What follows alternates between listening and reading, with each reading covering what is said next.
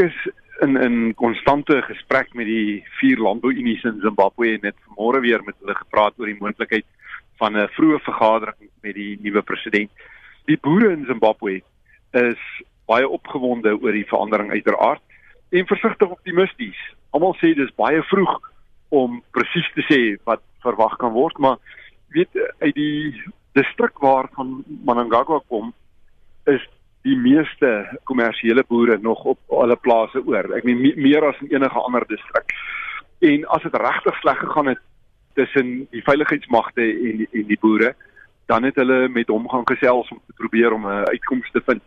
Die vier landbouunies het het ook gesamentlik 'n strategie ontwikkel wat hulle vir enige opvolger van Mugabe gereed wou hê. Hulle het net nie besef 3 maande gelede toe hulle daarop ooreengekom het dat dit so vinnig al sal gebeur nie.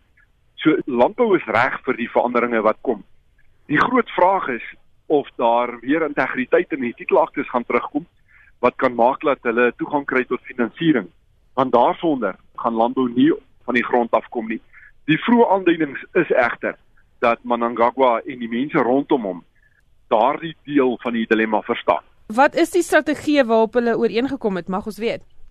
Ja, die vier landbouorganisasies, dis nou die wit kommersiële boere, die swart kommersiële boere, die kommunale boere en die begunstigdes van grondhervorming het ooreengekom op basies 10 punte in 'n strategie.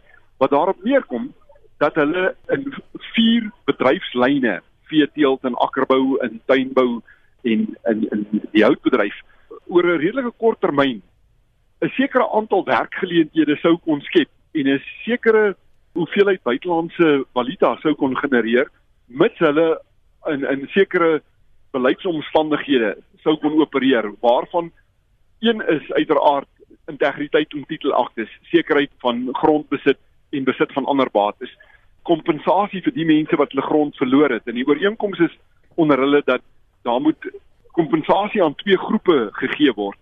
Wit boere wat na 2000 hulle grond verloor het en ook aan swart boere wat daai grond gekry het nou die afgelope 17 jaar op daai grond sit en graag wil wil afkom omdat hulle basies armer is as voordat hulle die grond gekry het. En en dan gaan dit ook oor sagte lenings oor langer termyne as wat in die vrye mark beskikbaar is en sekere insentiewe vir beleggers uit die buiteland uit. Goed, dis 'n interessante konsep as ek jy kan terugvat daarna toe dat uh, daar kompensasie moet wees vir twee groepe.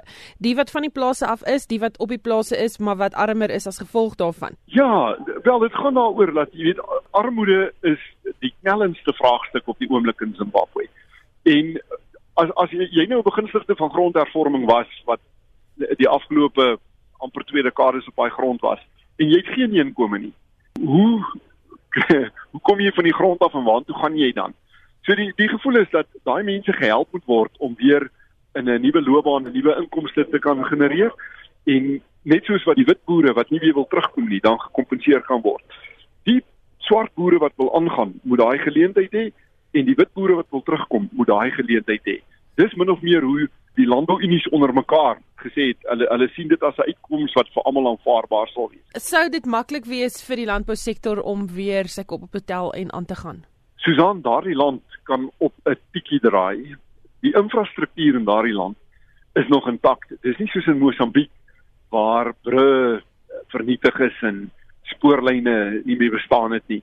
Die infrastruktuur is is eintlik nog van so 'n aard dat al wat in die pad staan van 'n landbourevolusie is die beleidsomgewing.